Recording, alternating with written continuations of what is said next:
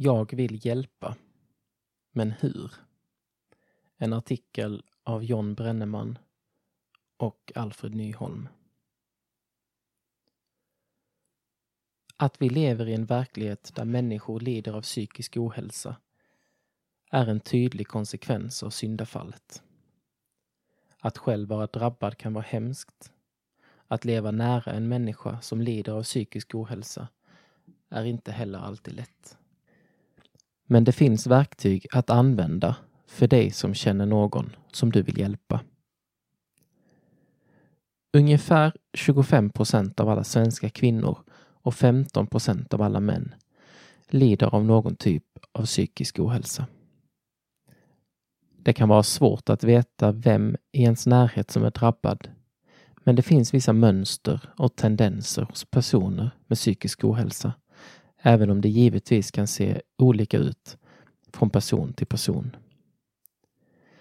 Man har ofta inte samma förmåga att genomföra vardagliga sysslor eftersom man upplever en stor trötthet. Det kan också vara så att personen i fråga inte kan ge och ta på en relationell nivå. Istället kräver en person som lider av psykisk ohälsa mycket och ger lite tillbaka. Vidare kan det vara lätt att man låter känslolivet ta för stor plats eftersom man upplever väldigt starka känslor. I vissa fall kan man även se rent fysiskt på en person om den mår dåligt. En vanlig gemensam nämnare hos personer som lider av psykisk ohälsa är att man lagt locket på kastrullen. Det vill säga hållit inne sina känslor för att intala sig själv att man egentligen mår bra. Eller för att man inte vill visa för andra att man brottas med jobbiga saker. Detta leder till att ens negativa känslor äter upp en inifrån.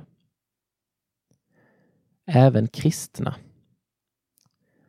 Kristna är precis lika sårbara för psykisk ohälsa som icke-troende. Brustna familjerelationer, förluster av personer och besvikelse över sitt liv är vanliga orsaker till att kristna mår dåligt. Tron på Gud är ingen garanti för att ens liv ska vara perfekt. Hur gör jag? Trots att du inte är en professionell psykolog eller har år av erfarenhet inom själavård och samtalsterapi kan du göra stor skillnad för människor i din omgivning. Här kommer fyra råd. 1. Visa kärlek. En god utgångspunkt är att alltid bemöta människor med kärlek. Visa att du bryr dig, att personen i fråga är viktig och att du uppskattar personen som den är. Det har visat sig att det som leder till de största resultaten i samtal är hur vi bemöter personen som behöver hjälp. 2. Lyssna. En viktig del man kanske glömmer bort när man är väldigt angelägen att hjälpa en människa är att verkligen lyssna. Varje människa har en historia att berätta som ofta ger situationen nytt ljus. Det kan vara mycket lättare att förstå varför en person mår som den gör efter att den har fått chansen att berätta om sina känslor. Vänta med att ge tips och råd tills personen har fått prata färdigt. 3. Läs av. Under tiden man lyssnar på en persons berättelser är det viktigt att försöka läsa av vad personen gör med sina känslor. Förnekar hon dem? Kanske genom att skoja bort dem eller förminska dem. Det kan ibland behövas hjälp på traven för att personen verkligen ska våga prata om sina känslor. Ställ frågor som kan vara jobbiga, men som får personen att berätta om vad han eller hon känner. Vissa människor känner att det är helt omöjligt att få ut sina känslor. Orden räcker inte till. Det finns många andra saker man kan göra för att lätta på trycket. Kung David skrev många salmer om sina känslor. Möjligheterna är oändliga, men känslorna måste ut och du kan hjälpa personen med det. 4. Ta upp relationen till Gud.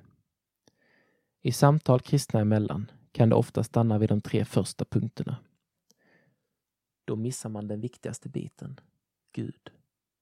Här kan det kännas obekvämt, men att ta upp relationen till Gud är högst relevant. Vissa tycker att det är jobbigt att konfrontera en person. Men alla kristna tvivlar, tar sin tillflykt till avgudar och faller ibland. Det är viktigt att vara öppen med det. Påminn personen om att Jesus vill ta denna synd på sig. Ingen kan göra allt, men du kan göra mycket. Vi är kallade till att leva i en nära kristen gemenskap och hjälpa de svaga och utsatta i samhället. Psykisk ohälsa är ett allvarligt och stort problem idag, inte minst i Sverige och västvärlden. Men det finns ett stort hopp. Vi behöver våga bryta isen och prata med både vänner och andra vi möter. Få visa kärlek, lyssna och peka på Gud som vill läka alla sår.